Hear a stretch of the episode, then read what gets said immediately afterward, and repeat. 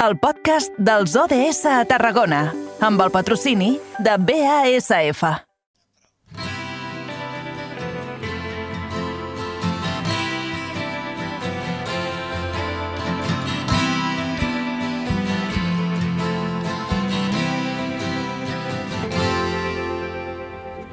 Asseguda al costat d'un llit estrany, ella es mira Bé, de nou, com us estàvem dient en el sumari d'aquesta darrera horeta del programa, el que farem ara és obrir la mirada cap al 2030. Els ODS se'ns acompanyaran, així que parlem d'objectius de desenvolupament sostenible. Aquesta agenda plantejada per l'ONU i que cada tarda ens permet conèixer iniciatives que promouen l'agenda verda i sostenible. De fet, avui ens centrarem en l'ODS número 3, que ens parla de salut i benestar. Per què? Perquè des de l'Art Serveis s'ha incentivat una iniciativa per implementar el dispositiu virtual Alexa i així donar assistència a persones grans i dependents. Per això donem la benvinguda a la gerent de l'Art Serveis, Jerusalem Torra, que ens ho explicarà tot. Jerusalem, molt bona tarda i benvinguda. Bona tarda, bona tarda a tots. Com cada 15 dies, nosaltres eh, parlem amb l'Arc Serveis i Jerusalem avui volem eh, conèixer més aquesta iniciativa que heu fet d'impulsar l'ús d'aquests dispositius intel·ligents Alexa en les persones dependents. Com està anant tot això i des de quan eh, s'està treballant? Bueno, pues el, el projecte del, del projecte social que vam iniciar amb la, amb la Universitat Rovira i Virgili de Tarragona, vale? el projecte social vam iniciar un concurs, un concurs que va estar guanyador per una alumna de treball social, la, la Carla Martínez Abadia, vale? aquesta dona, aquesta noia va, va guanyar el concurs i va projectar eh, una eina, una eina per ficar amb el domicili que ens oferís qualitat de vida i que treballés pel benestar de les persones per, mm, grans com per la seva autonomia. Eh, vam implementar l'Alexa farà uns dos mesos, el vam implementar el primer domicili va ser Altafulla, Altafulla amb una persona d'una edat, amb dependència, on nosaltres tenim ubicat un servei. Llavors vam iniciar, va ser una experiència molt divertida, perquè eh, vam iniciar poques coses, el que és la música, eh, de feia d'acompanyament, el que són les alarmes, i va ser una experiència molt divertida. En cada domicili que estem implementant, ja l'hem implementat a Torre d'Embarra, i ara aquesta setmana passada va ser a la Bisbal del Penedès. La propera em penso que és al Creixell i després iniciem del Vendrell. Però la Bisbal del Penedès va ser una experiència molt divertida perquè a part, ja a nivell personal, ens enriqueix moltíssim perquè cada persona és un món, cada domicili és diferent i cada experiència de l'Alexa és totalment diferent al domicili anterior.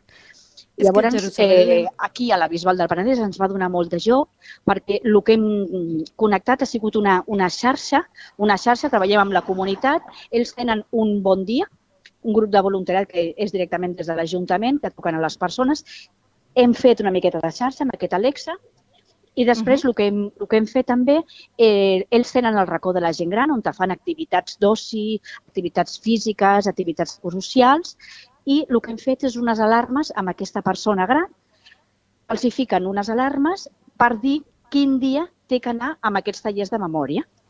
Perquè expliquem-ho per l'audiència, potser algú encara no sap qui, què és l'Alexa, o més ben dit, qui és, perquè és una intel·ligència artificial que uh, interactua amb les persones. No sé si aquest punt d'interacció ha estat una mica complicat en, en les persones gra- grans que sovint amb aquests punts de tecnologia no s'acaben de trobar còmodes o ha sigut tot el contrari? Sí, bueno, ha hagut més domicili, ha hagut alguns domicilis que ha sigut mm, molt més ràpida perquè nosaltres fem un seguiment de setmana o quinzenal i hi ha hagut alguns domicilis que han tingut que reiterar una altra vegada la visita per explicar una miqueta com era el funcionament, com funciona, eh, també es posen molt nervioses, tu penses que és una cosa que és totalment desconeguda per la persona que viu sola en aquest domicili i els tenim que fer un seguiment encara més continu. Per això la Bisbal del Penedès era un perfil amb un estat cognitiu amb pèrdues de memòria i llavors per això van connectar el que és el bon dia dels matins que li recorden si hi ha algun problema, si té alguna dubte, si li produeix angoixa i aquestes alarmes que li diuen quins tallers i quins dies han d'anar al racó de la gent gran. Però totes les persones, cada cas és diferent, això sí que ho hem notat. Cada cas és diferent i cada casa ho accepta d'una manera o una altra. Però és molt, fa molta gràcia perquè trobes amb una cosa que elles els hi ve tot de nou, aquesta aplicació, fem la presentació, hi ha gent que els hi fa molt de riure, vam anar a un domicili que, bueno, ella ja es va, ja es va conformar, aquella persona, aquesta cosa que arribava a casa seva, aquest intrus, i ja li preguntaven eh, l'edat de les famoses. Hi ha un altre que li demana cançons. Mm, hem, hem interactuat mm, en cada domicili d'una manera molt diferent. Perquè això no, no ho pacteu a, a, previ a la, a la visita, no? O sigui, va sorgint la conversa amb l'Alexa segons les necessitats de cadascun dels usuaris o com funciona? No, nosaltres vam fer tot un cribatge dins dels domicilis que tenim nosaltres d'ajuda a domicili, vale? perquè buscàvem uns perfils. L'única cosa que, que resta és que han de tenir eh, connexió a internet. Llavors, clar, de tots els domicilis doncs, hi ha un, és un 10% de les úniques persones en dependència o persones grans que tenen eh, a l'internet. Llavors això ens ha portat una miqueta de dificultat, per això hem trigat una miqueta més. Llavors sempre eh, vols treballar en xarxa, intentem també parlar amb els ajuntaments, amb la regidoria, que estiguin dins de l'Ajuntament i els hi comentem que hi ha aquest projecte, si ells volen participar, si volen col·laborar, perquè clar, pensa que això eh, nosaltres fem un, farem una valoració, fem un seguiment i farem una valoració. Aquesta valoració, que acaba el més segur que al març, eh, nosaltres aquestes valoracions relacions les deixarem amb la regidoria i amb els ajuntaments. Si després ha d'haver una continuïtat, això quedarà dins de l'Ajuntament. Però la nostra intenció és que això arribi ben lluny, perquè trobem que cada vegada és una eina més positiva per la gent gran, perquè dona autonomia, empodera les persones i eh, ens evita també una cosa que és la segona pandèmia, que és la soledat. Uh -huh. De fet, a aquestes problemàtiques sumades al fet de que la gent gran s'està quedant fora de les esferes digitals, um, sí. pot ser de que fa falta una mica d'educació de, digital en aquest sentit? O sigui, creus que les iniciatives cal que sorgeixin de la part pública o, hem de ser a nivell d'usuaris nosaltres qui ajudem a la eh, nostra Aviam, gent gran? Hauria de sortir de totes les parts, ¿vale? però nosaltres que som entitat privada, eh, nosaltres eh, on no arriba la pública o no se l'espera, és perquè això nosaltres ho fem directament a, a cost zero. O sigui, el cost és el que surt des de l'empresa. I els Alexas ens el van regalar una entitat des de la Susana Zafra, que és una, una noia que porta una entitat de Mossos d'Esquadra. Altres uh -huh. perquè anem rascant, som una miqueta com a Sor Lucía, tot el dia demanant. Però, clar, la, la, la intenció és que eh, mm, hi ha un sector mm, de, de la ciutadania que es queda totalment exclosa d'aquesta era digital que ens estan ficant en embut i que això ha vingut per quedar-se i que han de donar eines. És igual que el del CatSalut. El del CatSalut, jo me'n recordo que es va iniciar al Vendrell, van iniciar, eh, van trucar amb uns tècnics per formar a les persones. Van començar amb els casals de gent gran, van iniciar per, per ensenyar com es feia el del, del salut. Això del salut va sortir d'un dia a l'altre i va quedar molta gent exclosa. I hem de potenciar uh -huh. aquestes eines. I ja sigui de lo privat, ja sigui de lo públic, és més indiferent, però hem de fer arribar aquesta, aquesta eines digitals a les persones grans, perquè hi ha molta gent que s'està quedant exclosa. Uh -huh. Jerusalem, ara deies de que uh, aquesta eina ajuda a empoderar les persones grans, a les persones dependents.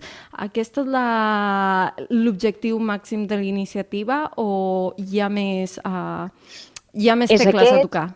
Sí, és treballar la memòria, eh, treballar contra la soledat no volguda, crear xarxa. Nosaltres el que volem és que l'Alexia sega al puntal d'un treball de comunitat, perquè a la llarga les, volen que les persones grans o les persones dependents cada vegada visquin més a casa seva. bueno, doncs, eh, hem de fer, amb la dependència que arriba, no arriba. Hem de buscar més eines i hem de buscar més coses per treballar. Uh -huh. I a nivell d'usuari, què podem fer nosaltres des de, des de casa nostra per ajudar a, als avis, a les àvies, a qualsevol persona gran que tingui problemàtiques amb això? Com podem ajudar-los a entendre aquest món digital que ha vingut per quedar-se? Cli. Jo crec que s'ha de treballar molt des de la llar de jubilats, que ja es fa, des de moltes entitats, des de molts ajuntaments. Hem de crear tallers, hem de treure la gent, hem de fer formacions des de les escoles, aquests tallers intergeneracionals que, que són tan gratificants, treballar amb els instituts. Hem de començar a pensar en comunitari, hem de treballar amb la comunitat. La comunitat, eh, aquesta pandèmia diu que ha tret el més bo i el més dolent jo deixa que m'ho fiqui entre cometes, el que hem de fer és de donar eines i deixar de ser tan individuals i pensar que tenim, possiblement tenim un veí i que li podem donar un copet de mà. I jo crec que és això, que ens tenim que implicar tots. Pensa que les persones grans és una problemàtica de tots i és un repte, perquè anem, mm, diuen que pel 2050 hi haurà bueno, el doble de persones grans. O És comencem a treballar, l'altre- aquí tindrem un problema i ben greu, eh? Aquest és l'altre costat, no? Eh, I és que les polítiques que sovint estem implementant aquí, o les iniciatives que comencen ara, eh, quan nosaltres arribem a la vellesa, també potser encara hi seran. Llavors, com més fem ara, recollirem millor els fruits o què? Exacte. És que pe- pensa una cosa, que ja egoistament i a nosaltres, que som una miqueta més joves, eh, pensa que el que escrivim ara és el nostre futur. I ara volen canviar els models de- residencials, volen canviar tot el model de la bellesa. I jo crec que, que no, els models no es canviaran amb una, amb una taula de despatx. Els models els canviarem la generació que estem pujant ara, els jubilats que ara tenen 65 anys, que tenen 70, que pugen amb un altre pensament. De nou, uh, tornem a recuperar aquesta iniciativa i Jerusalem se'ns està acabant el temps, però abans de marxar eh, m'agradaria de que fem la informació de servei, perquè deies de que estàveu buscant uh, persones o entitats o eh, ajuntaments que s'hi vulguin posar en contacte per també tenir la, la seva part de Sí. l'EXA. Com, Sí, sí, a com nosaltres el que ens agradaria és arribar als ajuntaments, als ajuntaments que no hem pogut arribar, per explicar el projecte. O sigui, el, el, projecte ja, el projecte ja està fet, l'estem treballant. Nosaltres el que volem arribar, eh, aviam, jo no tinc la caixa, Vale? El que tenim que arribar és contra més persones, millor. Hem d'arribar a les entitats, a la llar dels jubilats, les municipals, hem d'arribar i els hem d'explicar que hi ha uns aplicatius que els hi poden facilitar la vida. Però us poden enviar un correu a alguna direcció? Sí, o si volen, sí, perfecte, sí, sí. Sí, pues tu mateixa, Jerusalem, digue'ns el, el correu al qual el poden enviar. mira, el i... correu és largserveis, largserveis arroba gmail.com. Doncs queda dit i gràcies de nou un cop més, Jerusalem, per participar en aquest programa en Carrer Major. Uh, Jerusalem Torra és la gerent de l'Arts Serveis i amb qui cada 15 dies coneixem doncs, aquestes iniciatives que s'estan duent a terme dels ODS en la gent gran al territori. Moltes gràcies, Jerusalem, que vagi molt bé. Gràcies a vosaltres per oferir-nos aquesta plataforma. Moltíssimes gràcies. Fins la propera. Fins la propera, reina. Déu maca.